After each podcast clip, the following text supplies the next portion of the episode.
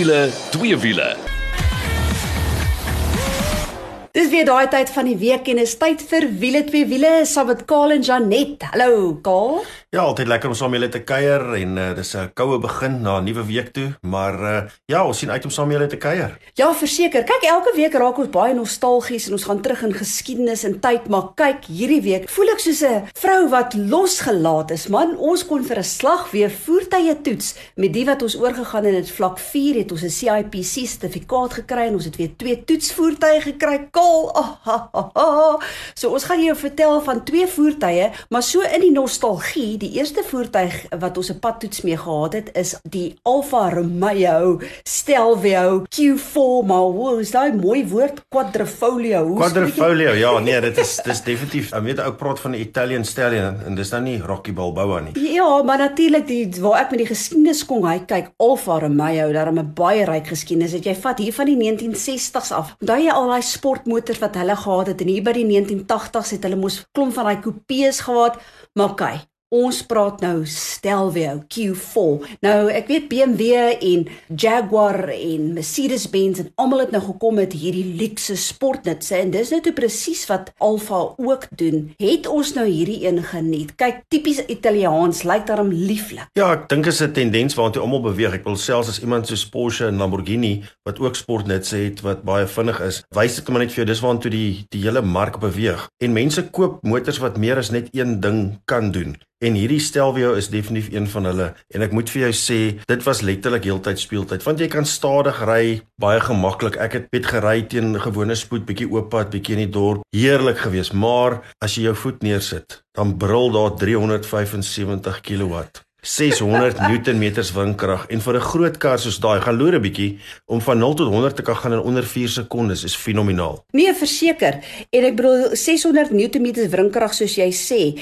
Interessant ook het verskillende modes waarin jy kan ry, natuurlik alle wiel aandrywing. En wat vir my interessant was, as jy veral deur kort raaitjies gaan, sit jy bietjie met andersteer, maar dan sodra jy jou voet op daai krag sit, dan sal die agterkant van die kar nogal bietjie rond beweeg. So jy moet nogal jou storie ken. Ja, Janet, ek dink hierdie kar is baie duidelik as net as jy na hom toe stap, kan jy sien Hierdie is net 'n gewone sport net. Sien, hierdie is 'n speelding van 'n ander soort. Ek bedoel, ou kyk na jou, net die wiele. Baie mense het gesê, "Ag, kyk hoe lyk hierdie wiele." En ongelooflik mooi. En soos 'n ou na hom toe loop, daai kenmerkende driehoek, daai Alfa C rooster aan die voorkant, wat sonder twyfel Alfa as jy praat hier van die 1960s af en regdeur, as jy 'n goed soos 'n GTV vir jou iets beteken of so iets, jy gaan sommer op afstand sien. Hierdie is definitief 'n Alfa. Van die agterkant nie so baie nie. Ek wil baie van hierdie SUVs of sportnuts, soos jy sê, se agterkante ek voel amper die een het gesteel by die ander een, maar die lyne langs die kant, dit wat op die enjin kap aangaan, jy weet daai events en goed wat daar is is absoluut ongelooflik. En uh, daai ryke resies geskiedenis van Alfa kom deur maar met al die praktiese leksheid. Ja, en ek dink net op die klank ook. Ek het so probeer om 'n klankgreep vir julle te kry, maar dit het toe nie so lekker gewerk nie, maar al wat ek vir jou kan sê, daai V6 klanke klink morsig, hoor. Maar wie is so Nikkel toe ook die geleentheid gekry om bietjie met die voertuig te ry en ons hoor gou-gou wat sê hy van hierdie morsige Alfa. Was dit nie lekker om Alfa se vinnige stelvio te kon ervaar nie? Ek is iemand van as ek wil vinnig ry dan hou ek van laag sit en as ek hoog sit wil ek gemaklik ry. So ek is nie die grootste voorstander van 'n vinnige SUV nie, maar hierdie is wel baie indrukwekkend. Daai stelering is baie mooi van buite af, daai aggressiewe uitlaatpype. Ek was effens teleurgesteld met die afwerking in die binnekant, veral as dit by 'n voertuig kom wat 1.8 miljoen rand kos. Daar is wel niks fout met daai 2.9 liter twin turbo V6 van 375 kW nie en met vierwiel aandrywing is 0 tot 100 onder 4 sekondes. En ja, as jy hom in daai reismodus sit en die draai is effens skerp en jy plant hom, dan sê daai agterkant sommer vinnig vir jou hoe sit. So dis heeltyd speeltyd agter die stuur van hierdie stelvio. Iets wat my bietjie plaas, die prys natuurlik. Jy kan kyk na Porsche Cayenne S vir heelwat goedkoper So dit gaan definitief jou alfa entoesias wees wat in hierheen gaan belangstel.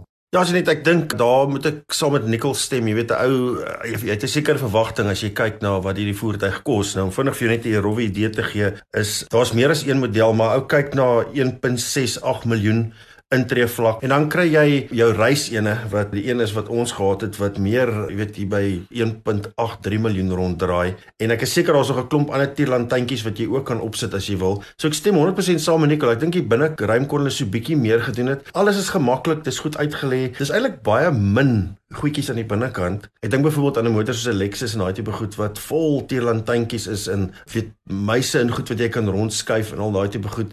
So miskien so bietjie meer moeite. Ja, ek hoor jou en dit is ook soos wat Nicole sê, op die ou tande moet jy kyk nou wat anders jy kan kry in daai prysklas.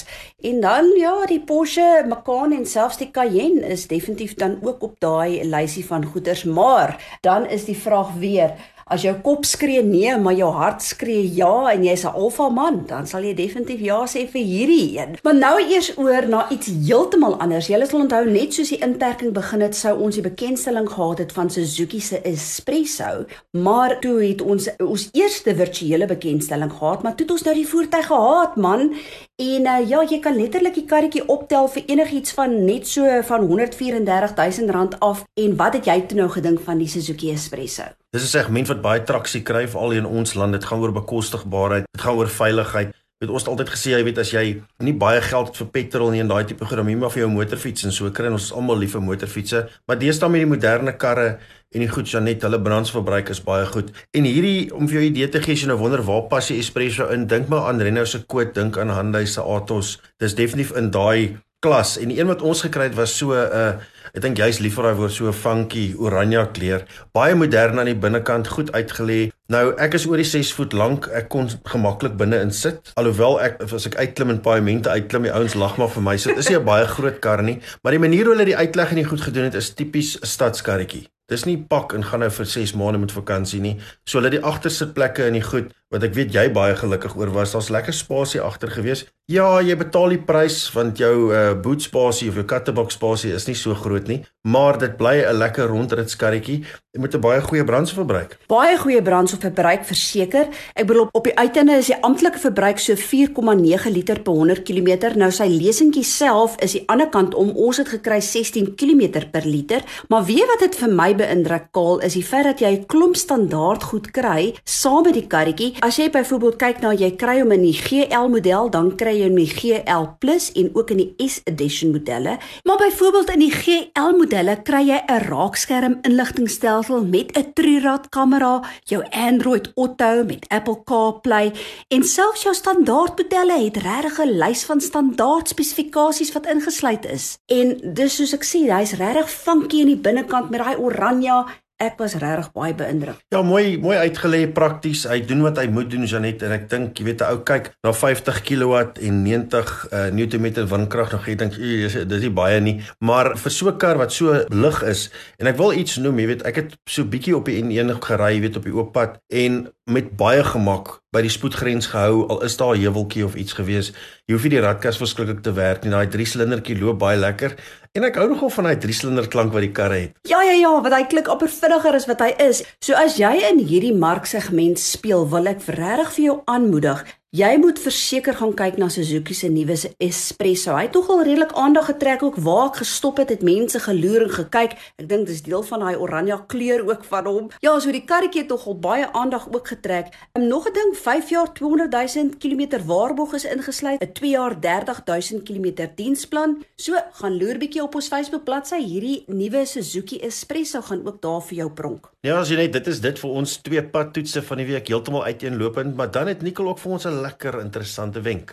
Ja, Ka, Nicole het 'n baie interessante brief gekry oor vry energie. Nou Nicole, wat op dese aarde is vry energie? Vertel asseblief vir ons. Ja, Tenet, by Kaarttydskrif het ek 'n interessante e-mail gekry van Hendrik Lou wat baie belangstel in elektriese voertuie en veral die voertuie wat in Suid-Afrika bekend gestel is. Hy het opgemerk dat met elke nuwe bekendstelling die batterykapasiteit van die voertuig besig is om al hoe groter te raak. As ons kyk na die Nissan Leaf wat eers bekend gestel is, sy batterygrootte was hier in die 20 kWh en daarna het BMW hulle i3 uitgebring en meer onlangs het Jaguar hulle I-Pace bekend gestel. Dis natuurlik ook ons Suid-Afrikaanse kar van die jaar en die I-Pace het nou al 'n batterypak van 90 kWh. Nou die rede vir hierdie groot batterypakke is natuurlik ryk afstand. Ons weet dat dit een van die groot probleme van elektriese voertuie is dat jy nie ver kan ry voor 'n battery weer moet laai nie en dis hoekom die batterye nou so groot raak. Nou is Hendrik se vraag nou maar hoekom gebruik die vervaardigers dan nou nie vry energie om hierdie batterypakke te laai terwyl jy ry en dan het jy mos nou glad nie so groot batterypak nodig om ver te ry nie. Een van die oplossings wat hy dan bied of voorstel is dat jy 'n windlaaier of 'n windturbine bo op die dak moet sit wat dan in die lugstroom is terwyl jy ry wat jou battery kan laai en dan kan jy mos nou baie verder ry. Sy tweede voorstel is oor sonpanele. Hoekom sit jy dan nie net sonpanele oral op die kar sodat jy as jy ry en die son skyn, dan kan jy die batterye laai en dan kan jy soveel verder ry met 'n kleiner batterypak. Ja, Nicole Hendrik gee verseker baie goeie voorstelle, maar die vraag bly staan: is daar iets soos vry energie? Kaal soos baie dinge in die lewe is daar ongelukkig nie iets soos vry energie nie. Daar's wel 'n wet van behoud van energie wat sê dat in 'n geslote stelsel bly die energie altyd konstant en jy kan nie meer of minder energie daar kry nie. Maar Nicole Hendrik se windlaaier het dan nou soos 'n goeie oulike idee geklink. Tonet, jy moet onthou dat die alrede hoekom die voertuig eerstens beweeg, is dit kom van die elektrisiteit van sy batterypak af. So dis nie vry daai wind wat oor die kar waai nie. Dit al klaar energie gebruik om daai kar dan nou te beweeg om daai wind oor die kar te laat waai. En onthou nou, as jy 'n windlaaier of 'n windturbine op die dak of ergens op die kar vasmaak, ja, hy gaan draai en krag opwek, maar sy aerodinamiese kragte wat hom gaan inwerk wat die kar gaan rem, gaan meer wees as die energie wat hy opwek. So ongelukkig gaan jou ryk-afstand met so 'n windlaaier op die dak eintlik minder wees as daar sonder. Maar ek wil sekerlik sal die sonpanele idee definitief werk. Kaal die sonpanele is 'n beter gedagte omdat jou energie dan van buite die geslote stelsel af kom. Dit kom van die son af en kom ons sê nou maar vir mekaar die meeste energie op die aarde kom nou maar van die son af. Maar onthou nou net as 'n mens kyk na sonpanele, eerstens sonpanele is redelik swaar en baie duur, so dit gaan moeilik wees om die sonpanele te vorm reg oor die hele kar. Tweedens as ons kyk na sonenergie op 'n helder dag op die beste toestande is dit omtrent 1000 watt sonkrag per vierkante meter. Maar nou moet jy ook kyk na sonpanele se benuttingsgraad of se effektiwiteit is omtrent hierso by 30% optimaal as dit op die beste toestande is. So per vierkante meter kan jy omtrent so 300 watt uithaal as jy gelukkig is. En onthou nou net, nie die hele voertuig sal na die son toe kyk nie. So jy gaan gelukkig wees om 1 kW se sonkrag te kan kry op die voertuig en dit staan is die beste kondisies.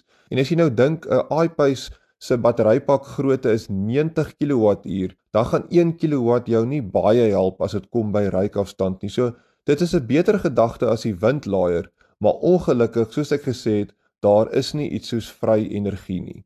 Hoorie Nikkel, daai was nou baie interessant. Baie dankie daarvoor.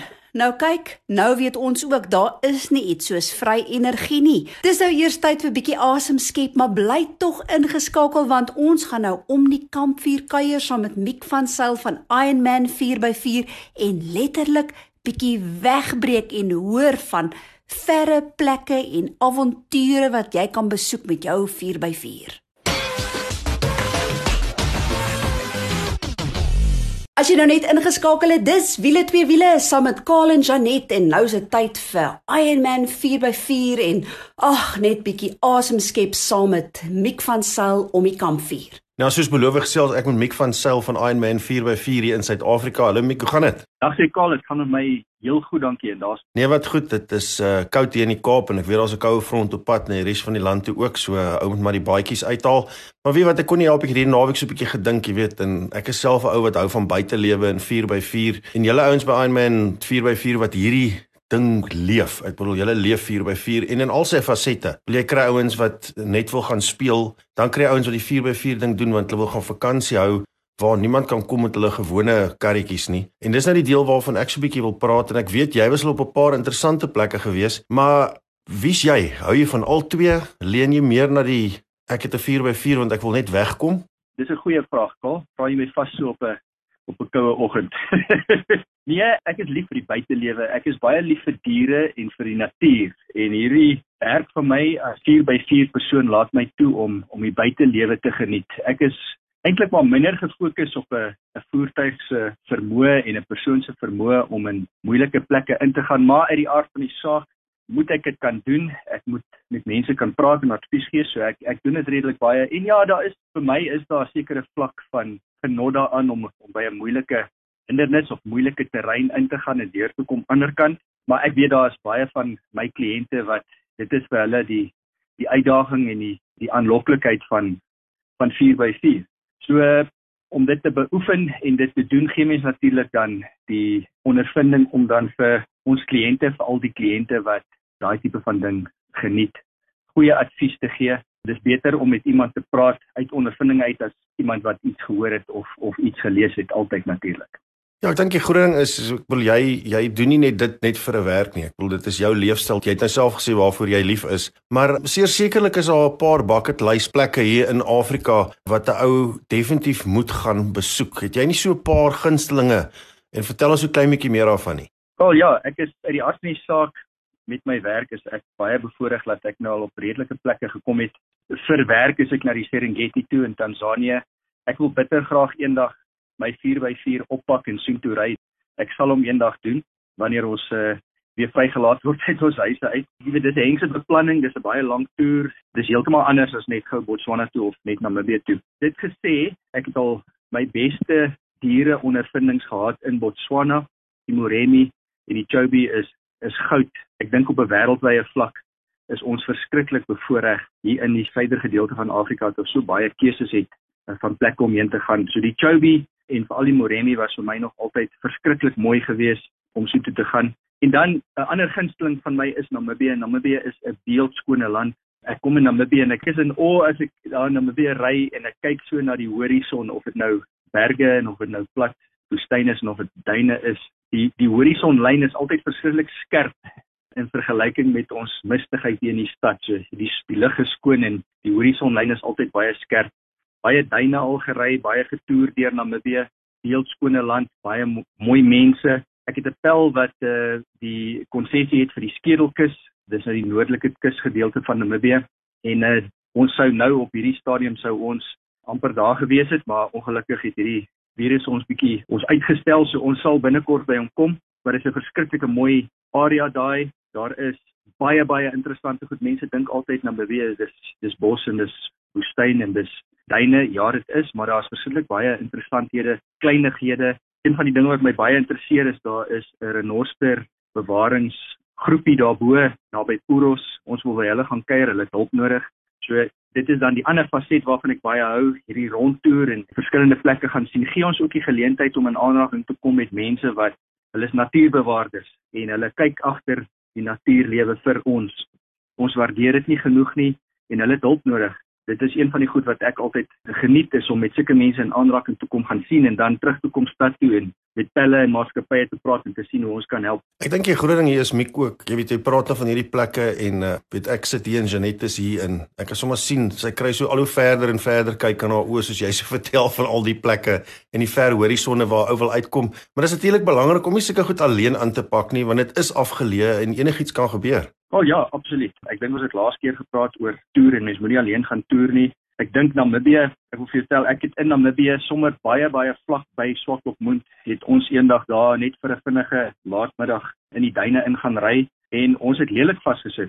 Ons is natuurlik redelik bekwame 4x4 mense, so ons het met redelike gesukkel het ons onsself daar uitgekry, maar iemand wat minder ondervinding het jy kan vasval, jou voertuig kan breek of erger nog, jou voertuig kan omval en absoluut soos jy sê, mens moet nooit daai tipe van ding alleen aanpak nie. Al het jy hoeveel ondervinding, dit is absoluut nie 'n goeie idee om hierdie goed alleen aan te pak nie. Dit geld dieselfde vir ver toer. Al ry jy nou nie in gevaarlike toestande nie met ander woorde klippe en bergpasse en woestyn en en en uh, duine en goed nie. Al toer jy nou net redelik ver, dit is altyd weet absolute gewens dat jy nie dit alleen aanpak nie. Enigiets kan gebeur, selfs met die beste nuutste voertuig, enigiets kan fout loop. En as mens alleen is, is jou jou kanse natuurlik baie hoër om iets oor te kom.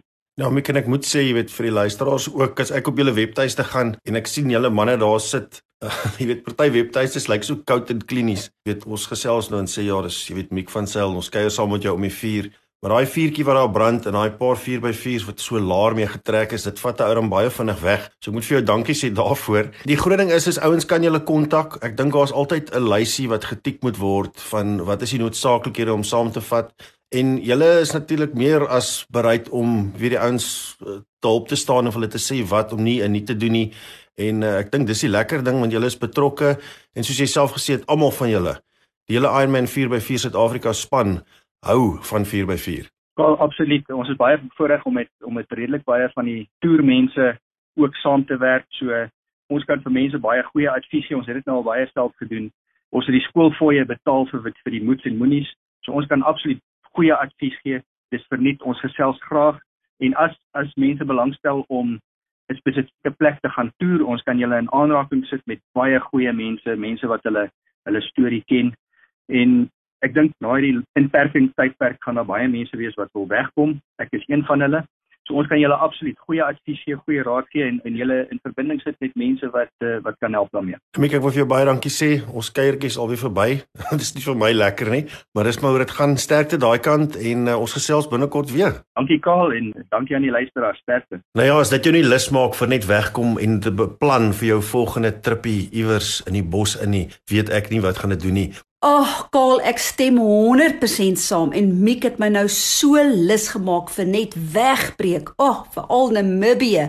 Dit klink net absoluut fantasties. En die wonderding daarvan is, jy kan nou al begin beplan aan daai wegbreek avontuur saam met Ironman 4x4 want jy kan hulle nou al kontak. En dit is so maklik soos besoek www.ironman4x4.co.za of e-pos info@ ironman4x4.co.za en Miek en sy span staan reg om jou te help om jou 4x4 reg te kry vir daai verre avontuur of selfs as jy net jou 4x4 wil regkry vir alledaagse gebruik.